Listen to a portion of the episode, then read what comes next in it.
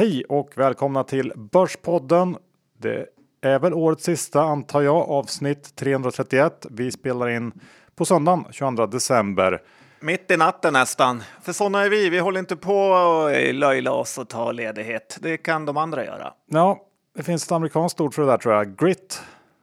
Är det en bra beskrivning på det vi håller på med? Det vet jag inte. Eller grinda säger man i poker, där man bara sitter dag ut och dag in. Det kan också vara någon som sa show up eh, is 90% of the job, eh, fast på engelska. Ja. Eh, så ungefär det är det vi gör. Ja, så är det. Vi ska börja med att presentera vår huvudsponsor och det är IG. Och för de som inte vet det så är ju IG faktiskt en av världens största tradingmäklare. De är börsnoterade i London och har ett börsvärde på ungefär 30 miljarder kronor och har över 2000 anställda och eh, det är ju väldigt enkelt att lägga ordrar oavsett om man handlar i appen eller på eh, den här desktop-plattformen. Ehm, eller hur John? Ja, och är man lika börsberoende som du och jag John så passar det utmärkt nu när Stockholmsbörsen är stängd så går det faktiskt att trada en hel del marknader via IG och det tycker jag man ska passa på att göra så här i, så man inte blir för slö under julen. Och eh, ja, då gör man som vi på Börspodden Johan, öppnar ett konto på ig.com. Ja, så var det med det. Ja. Eh, idag blir det en liten tillbakablick året som gått eh, på marknaderna. Jag tittar lite på Börspoddens år. Eh, sen har det också hänt eh, lite grejer trots den här lite halvslöa julbörsen, eller hur? Ja, men verkligen. Det är imponerande att det kan komma bud på till och med lördagar nu för tiden. Och eh, jag ska försöka vara snäll, även om jag är dum innerst inne. Bra. Innan vi kör igång så är vi också sponsrade av DI Digitalt. Och det är väl perfekt nu i slutet på året att börja eh, det nya året med att investera i det bästa affärsverktyget. Eh, det vill säga då en prenumeration på Dagens Industri digitalt. Och med vårt erbjudande får man 40 i rabatt på DI digitalt i 12 månader och då ingår då eh, precis allt på eh, digitalt på sajten di.se och i appen. Man har realtidskurser, man har eh, e-tidningen redan kvällen före. Den gillar jag. Eh, det är alltid nice. Det är någonting man drömde om när man var liten och kunna läsa tidningen dagen innan. Ja, du tror du är den killen som TV3-serien på gamla goda som fick dagens tidning en dag innan. Ja, men exakt. Ja, detta och mycket mer. Eh, gå in på di.se snedstreck Borspodden eh, så kan ni alltså ta del av det här. 40% rabatt i 12 månader och det innebär 239 kronor i månaden istället för 399. Det är en väldigt bra deal att kicka igång 2020 med. Yes. di.se snedstreck Borspodden var det. Johan Dr. Bass Isaksson. Index är på all time high. Vi är nära att bryta igenom 1800 nivån och eh, ja, när man lyssnar på det här kanske vi redan har gjort det faktiskt. Vad säger du om läget där ute?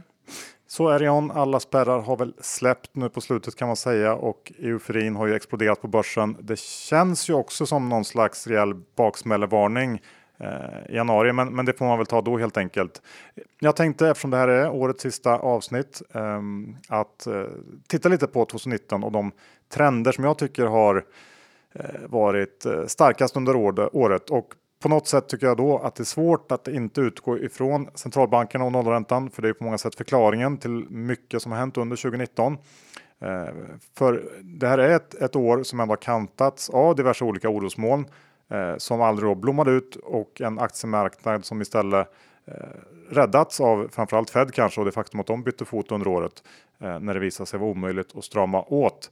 Men om man ska försöka vara lite mer specifik så tror jag att synen på hur länge vi kommer att ha de här låga räntorna har skiftat mot tidigare. Min känsla är att marknaden i år eh, på riktigt har börjat prisa in låga räntor under en längre tidsperiod och det har ju då såklart eldat på värderingarna. Eh, så att FOMO och TINA är ju eh, akronymer som fortsätter att vara relevanta helt enkelt och det här syns också när man tittar på årets vinnarlistor på börsen. Eh, en, en sektor står ju ut som är, är beroende av räntor. Vilken tror jag tänker på? Ja, jag hoppas att det är fastigheter du tänker på. Ja, precis. Och eh, sen så eh, en annan vinnarsektor är ju också faktiskt de mer traditionella verkstadsbolagen som, som har outperformat efter att börjat året ganska rejält ifrågasatta, eh, nedtryckta av den här konjunkturoron som vi gick in eh, i 2019 med. Eh, och tittar man på, på andra sidan, eh, förlustsektorerna, så sticker faktiskt gambling såklart ut, eh, bank också och vård och omsorg. Ehm, och här får man nog säga, tycker jag, att den röda tråden är liksom regleringar och statlig inblandning på ett eller annat sätt. Ehm, spelregleringen säger sig själv, den slog ju väldigt snett för spelbolagen, men tittar man på bankerna så är det ju penningtvättshärvor och eh, ja, möjliga böter och eh, ja, allmänt hårdare krav kan man säga som, som har sänkt dem. Och tittar man på vård och omsorgssektorn så eh, är det en, en sektor som även i år har fortsatt att tyngas av politiska risker och ja, risker att, eh, att avtal försvinner, att eh, ersättningar sänks och så vidare. Ja, men jag tycker att du har sammanfattat det bra där. Det är också intressant över hur negativt det var i slutet av förra året, att det kändes som att det var låg konjak incoming. Nu är det precis tvärtom. Det känns som att vi nästan har mycket mer att ge av den här håsen trots att vi är på absolut eh, all time high. Så att eh, ja, det brukar ju bli tvärtom vad alla tror så att eh, Ja, jag vet inte. Börsen är ju fantastisk. Det var Jon Jonsson som sa att börsen är ju som en magnet. Den går precis dit folk inte tror den ska gå. Ja, för att vi är ju på något sätt i ett diametralt motsatt läge jämfört med för ett år sedan. Då såg allt nattsvart ut och det gick rakt upp. Ja, jag vet inte riktigt om, om man um, kan bara göra tvärtom, men det är ju lite läskigt. Sen någonting som vi ska prata mer om senare i det här avsnittet, men som verkligen tog fart i år och eh, ja, det känns som att det accelererat under slutet av året. Det är ju buden, uppköpen. Eh, och de har ju också letat sig kanske lite längre ner i listorna än man är van vid. Vi har bara på slutet här har vi haft Swedol och AdCity Media, Promic Book, Opus och nu senast då här i helgen eh, Concilium. Eh, som, eh, ja, vi kommer återkomma till de här eh, lite senare. Men även det här är ju såklart givet av nollräntor och ja, det faktum kanske att det går att hitta lite mer rimligt värderade bolag på de mindre listorna. Kanske en trend vi får se mer av 2020. Vad tror du? Nej, men eh, det här med buden har man ju ändå snackat om länge. Det är nästan så att det har tagit lite längre tid än man trodde att eh, den här budcirkusen skulle komma igång på de mindre bolagen. Eh, det har pratats om det mycket. Det hände inte jättemycket av det 2018. Nu först här i slutet 2019 har det ju verkligen smält till. Så att ja, det lär väl fortsätta i 2020. Det brukar ju komma i sjok, så har man lite tur så har man rätt aktier och har man väldigt otur så säljer man de här aktierna innan budet kommer. Ja, och eh, man säger väl också att riskkapitalbolagen sitter med välfyllda kassor nu så att det, det kan säkert eh, komma mer. Och sen tänkte jag också avsluta min sån här lite mer eh, övergripande eh, sammanfattning för 2019 med eh, någonting om eh, den svaga kronan. För det går liksom inte riktigt att sammanfatta 2019 utan att nämna det. Eh, jag tycker att 2019 var året då svenskarna på riktigt blev relativt fattiga på grund av bananrepublikvalutan kronan. Och det känns också som året som den här svaga eh, kronan på allvar skadar vår självkänsla och självbild som folk. Kronans uselhet smittade av sig och förstärkte den här redan starka svenska losementaliteten som vi här på Börspodden faktiskt lyft upp vid flera tillfällen. Och kanske är det en försmak av eh, ja, vad som komma skall på något sätt. För än så länge har vi ändå mest eh, njutit frukterna av Eh, av den här svaga valutan, eh, det vill säga dopade vinster och eh, konstlad eh, konkurrenskraft. Men innerst inne så vet vi ju allihop egentligen, lite kanske som en, en dopad idrottsman, att det inte är på riktigt. Och eh, det tror jag ändå gör någonting med oss eh, i grunden. Ja, det är möjligt att du har eh, rätt där, eller du har helt rätt till eh, stora eh, delar. Det enda jag tänker på där är att svenska kronan är ju en sån här liten periferivaluta som kanske är som ett aktietorgsbolag i den stora världen och vad värderingen är på den eh, kan svänga rätt eh, mycket. Ja, du har rätt i det. Du eh, sa något kort i början här om att du skulle vara snäll. Ja, men jag tänker det är väl dags nu när du har verkligen tryckt ner svenskarna i skorna här efter på juldagen och då tycker jag faktiskt att jag ska vara lite snäll här och lyfta upp oss i Sverige med saker som är bra. För att eh, annars kan ju du och jag vara lite väl negativa till eh, Sverige och mycket här. Men det är ju också mest för att vi är som eh, fotbollsföräldrar. Att man vill egentligen bara väl. Det är bara att det inte går som barnet inte gör som man vill. Ja. Eh, men det jag tänker på det är att eh, eh, man ser hur många länder ute i Europa och i världen strejkar direkt. De behöver till exempel höja pensionsåldern eller göra någon annan reform. Och det känns som det händer inte här i Sverige på något sätt är folket för utbildat eller de förstår det här att finns det inte pengar till pensioner så måste man göra något. Och då hjälper det inte bara att gnälla utan vi har någon styrka av att knyta näven i byxfickan och bara jobba på. Eh, och sen tycker jag att alla andra länder, eller många länder, är ju väldigt eh, splittrade på något sätt. Eh, vi har ju i UK, Skottland vill bryta sig lös, det är Nordirland ett problem. Spanien är det katastrof med Katalonien, i Italien är det Lega Nord och i Belgien är det Vallonien och Flandern och allt. De hatar varandra. Eh, det känns ändå som att eh, vi i Sverige jobbar ihop bra trots våra problem. Eh, vi håller ihop. Och slutligen Johan, så är det ju våra politiker. Steffo och gänget kan ju vara precis hur inkompetenta som helst, eh, men man vet i alla fall att de inte är korrupta och det tror jag vi tjänar en hel del på.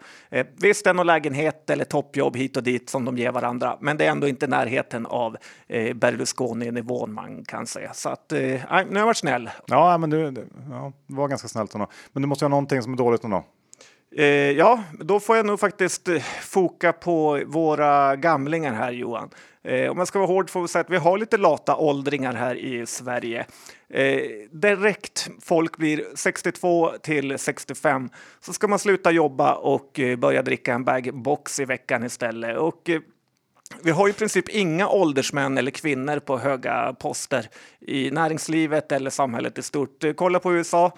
Trump är piggare än någonsin vid 73 och han utmanas av Bernie Sanders på 78 eller Joe Biden 77. Och eh, ja, då ska man inte ens tänka på Warren Buffett och Charlie Munger som, vet du hur gammal Charlie Munger är förresten?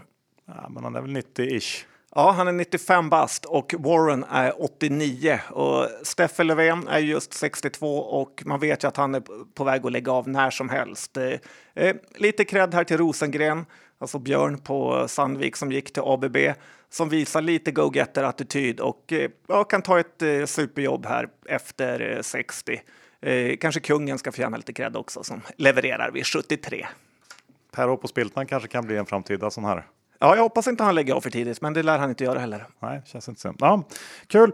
Eh, ska vi avsluta första delen med den här räntehöjningen eh, som kom här i veckan?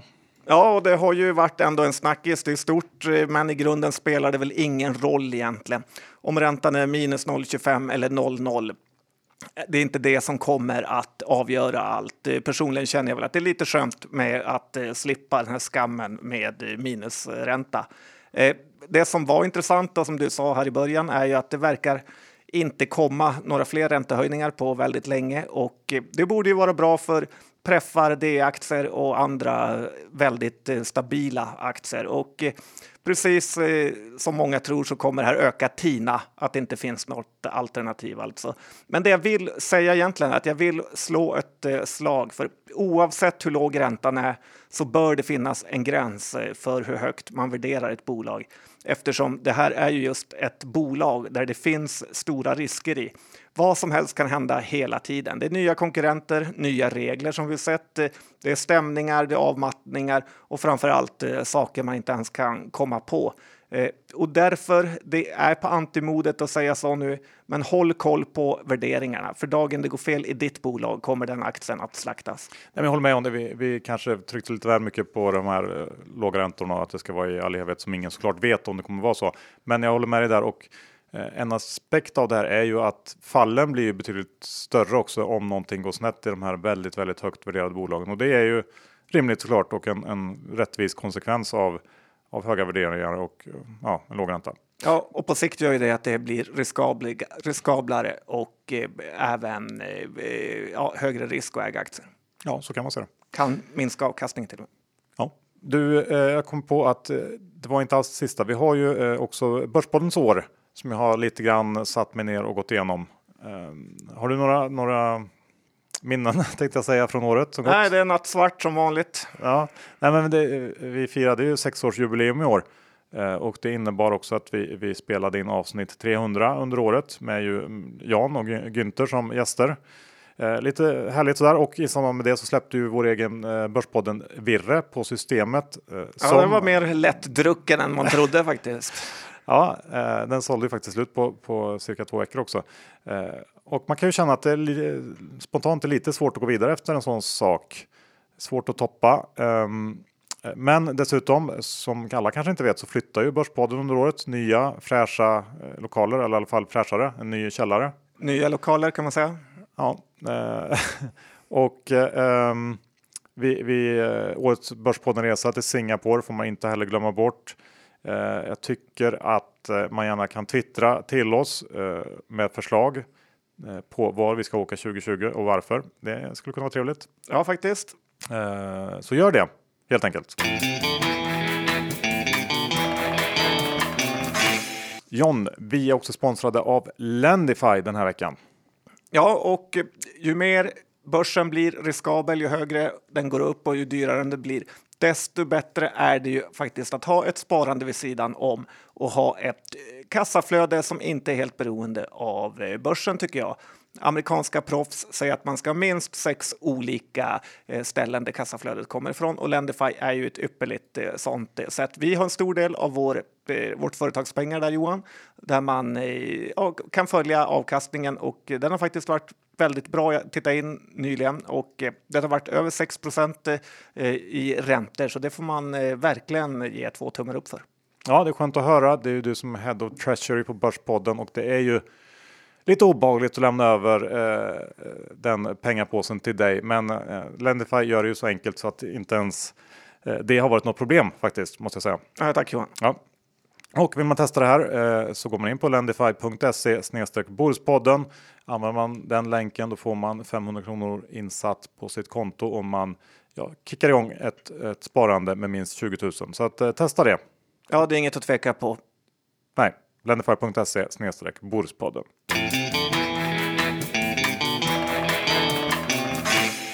Sådär John, nu är det ju juletider och det händer inte sådär jättemycket, men vi har ju ändå en del eh, händelser eh, som har kommit in här sista dagarna som man måste snacka om och vi kanske ska börja med det här med eh, bud. Eh, vi, har, det har, vi var inne på det i början, det har accelererat känns det som och Consilium eh, blev det senaste bolaget som blev uppköpt, eller i alla fall den största delen ska man säga av Consilium blev uppköpt. Eh, monsterbud får man säga på det här sorgebarnet Consilium eh, Eh, som fram tills nu kanske inte gjort någon glad egentligen. Nej, men det har vi ju följt länge här. Det var ju när vi jobbade på Remium till och med så följde man det här bolaget och eh, dessutom lite oväntat att budet poppade upp på en lördag. De släppte sin försäljningsrapport på fredagen och jag såg att någon på Nordnet köpte 9000 aktier där, vilket måste kännas otroligt eh, härligt eh, nu.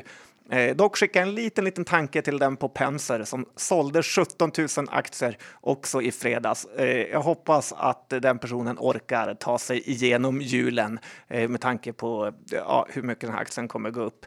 Eh, vi får också lite cred till eh, Rickard Bråse som är väl en av de få personerna som eh, har trott på det här bolaget. Ja, så är det ju.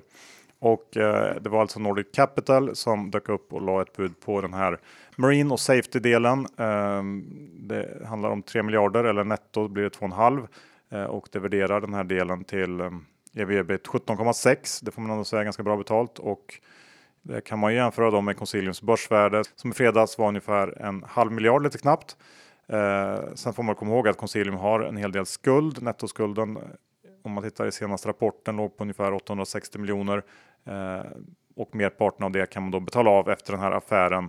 Eh, och vad finns kvar i det här bygget? Jo, det är deras engineering slash automationsverksamhet som har legat under avveckling sedan förra året. Den delen blöder faktiskt ganska mycket pengar eh, och sen har de ett pyttelitet affärsområde Safety Engineering eh, som resultatmässigt ligger kring nollan. Eh, så det är väl inte så jättemycket hänga i julgran de där två. Eh, och det här var väl ett case där eh, de dåliga delarna av Consilium helt enkelt skymde värdet inom eh, Marine och Safety som uppenbarligen fanns där. Och den här typen av situationer har vi ju sett förr på börsen. Men det svåra är ju att det ofta krävs något sånt här.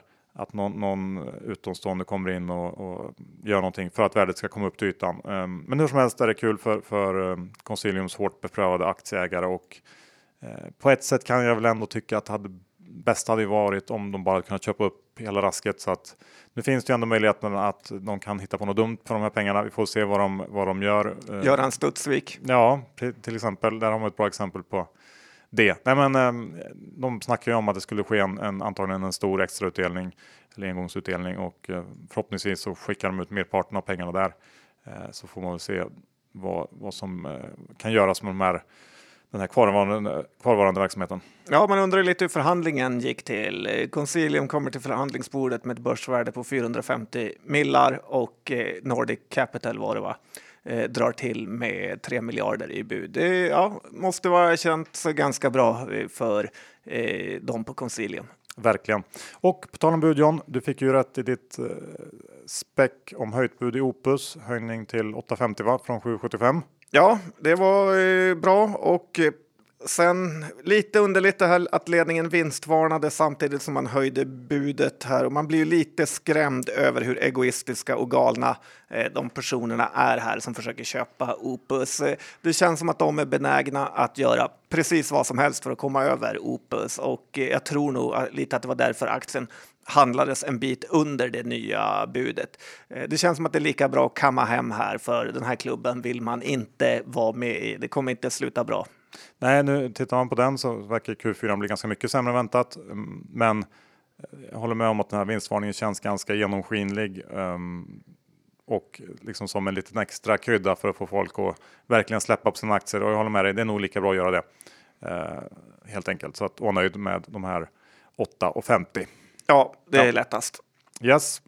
Ja, och eh, som du sa Johan, det har varit mycket bud här under sista kvartalet. Eh, Swedol eh, som Moment Group, a.k.a. Nordstjärnan, köpte eh, där man verkligen utnyttjar en sån här kort eh, svacka där någon stackare sålde ut sig eh, under en vecka och mosade ner kursen. Så hade man budet, verkar det vara, i byrålådan och slog till men det måste faktiskt och eh, kännas tungt att eh, ha så rätt som den här personen hade eh, men, och äga så mycket aktier, men att det ändå blir så fel till slut. Vi har alla varit där på ett eller annat sätt, men det är tungt när det händer. Verkligen, så är det. Sen du tog också upp det innan Johan, du har synat ner börsen bra i år. Men det här är här med alla fastighetsbuden. Det är Hembla, Hemfosa och eh, några sådana här fastighet, enfastighetsbolag eh, som har eh, rykt. Det är svårt att riktigt hänga med här känner jag, eh, men det är uppenbart att det är ränteläget som har skapat en sån här stor hype. Frågan är väl om det kan eh, sluta bra det här och jag, eh, som förlorare på den här sidan känner jag väl ändå att alla de här privata hyresvärdar som har byggt upp sina bolag under flera år, eh, alltså kanske generationer, och sen har de kränkt iväg det här för kanske tre, fyra år sedan till något av de här jättarna och eh, sett den enorma uppgången. De måste ändå känna sig lite snuvade. Eh, det var svårt för dem att förstå att räntan skulle bli negativ. Så är det, men det är ju en fri marknad. It's a free market. Och sen måste vi ändå tvärtom. Vid buden så har vi de här vinstvarningarna, för de har ju ändå kommit på en hel del bolag. Eh, det som har varit ett litet problem för mig är ju Mekonomen som eh, Eh, har väl förstört ganska stora delar av 2019 för mig och även skapat en bitterhet. Eh, eh, jag blev ju miljonfistad där av deras vinstvarning i början av, förra, av det här året då. och sen för att använda Tom, Thomas Linnalas ord, vi ska komma ihåg honom, så blev man lite skotträdd i precis fel läge efter den här vinstvarningen då när börsen sen har i princip rusat hela året upp. Nu är Mekonomen förbi den här nivån och eh, ja, de, de, eh, som de var på innan vinstvarningen. Och jag tycker att det här säger något i stort om hur mycket info som läcker från eh, aktiebolag. Att eh, oftast när ett bolag vinstvarnar så har det gått ner så mycket innan att vinstvarningen snarare blir ett köpläge. Det är inte alltid så såklart, men ofta är det så att eh, all skit är redan tagen i kursen på en så här inofficiell nivå eh, och sen när det kommer ut via ett pressmeddelande så blir det officiellt och då går det ner eh, en gång till. Mips är ett sånt bra exempel där aktien gick ner länge, kom en jättekassrapport och sen gick den bara upp på en dålig rapport. Det var ju omöjligt att förstå förutom de som inte hade infon tyvärr med den här strategin så hamnar man ibland i ett Eltel eller Attendo och då är portföljen slut i princip om man fortsätter att eh, snitta ner sig. Eh, Men det man ska ha med sig är ju också att eh, en vinstvarning är ju faktiskt inte slutet på ett bolag, även om det känns så, för att det går ner mycket den dagen. På bara några kvartal kan det hela vara bortglömt och eh, ja, det är väl problem när man tradar Johan, att man sitter framför skärmarna varje dag och eh, blir lite sådär eh, orderboksblind. Eh, ja, nej, men du håller poäng i det där. Det svåra är ju att bedöma om det är någonting som är, är liksom mer strukturellt och början på en trend som inte kommer att vända eller om det är ja, kanske konjunkturellt eller något annat som är underliggande. Då gäller det att vara ändå hyfsat påläst så man kan eh, bedöma det hyfsat. Ja, faktiskt. Eh, ibland tror jag inte ens att eh, personerna i bolaget eh, vet det, för ingen vet något om framtiden. Nej, så kan man se på det. Du var inne lite på fastighetsbolag.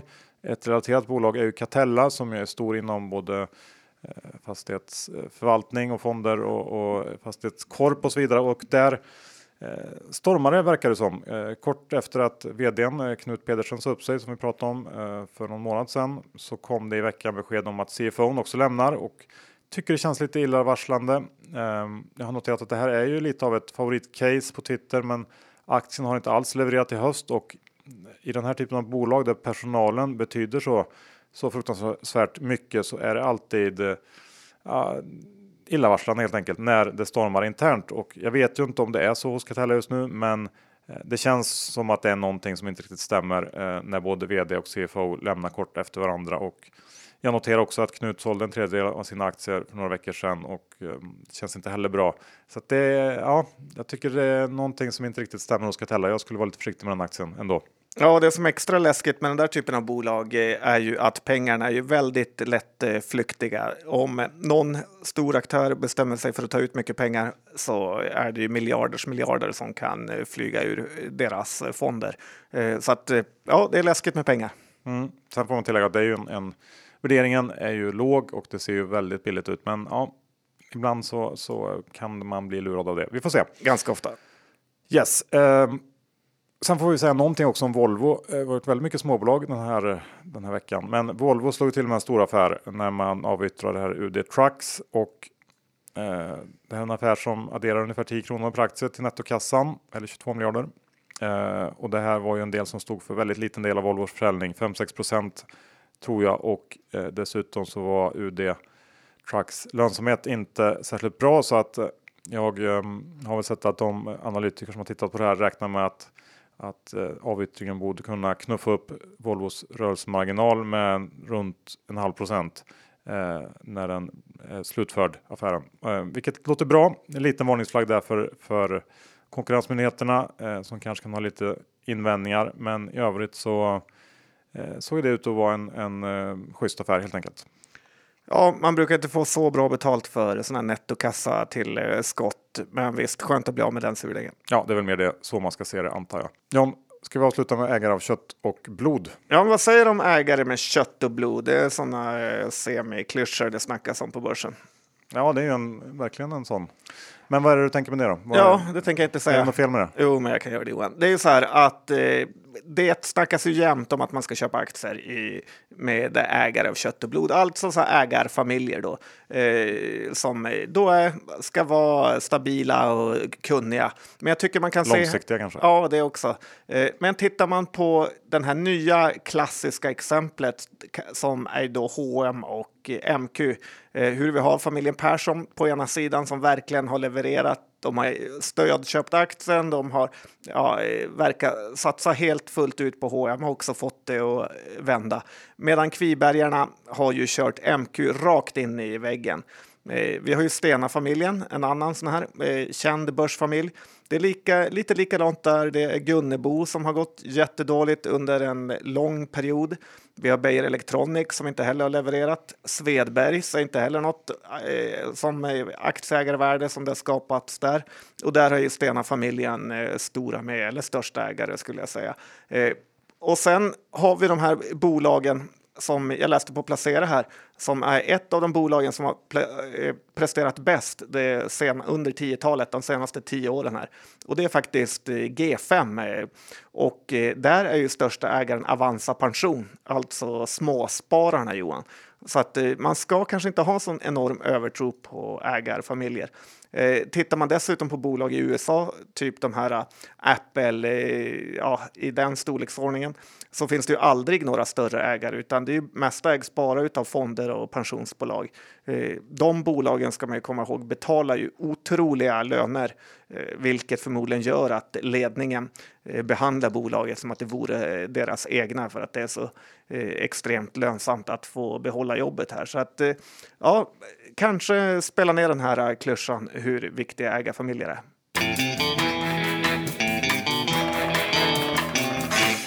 Slut på avsnitt 331.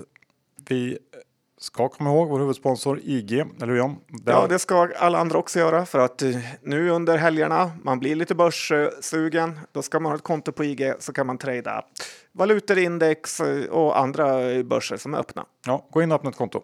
Och missa inte eh, nu inför 2020 vårt erbjudande från DI Digitalt, alltså att Eh, få DI digitalt i 12 månader till 40% rabatt. Ehm, man får eh, ja, det mesta och det bästa. Eh, framförallt gillar jag e-tidningen redan kvällen före, men det är också ja, obegränsad tillgång till hela di.se. Vill man ta del av det här går man in på di.se burspodden. Ja, kom ihåg vart Bråse skrev sin köprek i konsilien. Ja. Och Lendify, addera ett kassaflöde. Det skadar aldrig. Gå in på lendify.se Borspodden om du vill göra det. Då får du också 500 kronor extra insatta om du investerar minst 20 000 kronor. Och John, eh, innehav den här veckan. Det var väl inte så mycket vi snackade om kanske som var aktuellt för våra portföljer. Nej, Nej. det var ju så vi pratade mycket vinnare, uppköp, då blir det så. Ja, jag äger 50% av Börspodden kan jag säga. Ja, jag har sålt mina till ja. Christer. Trist. Uh, och uh, tack alla lyssnare för att ni har lyssnat på oss i år, helt enkelt. Ja, verkligen. Det har varit kul och twittra om det är något. Yes, då säger vi så. Hörs om en vecka igen. Ha det fint. Hej då!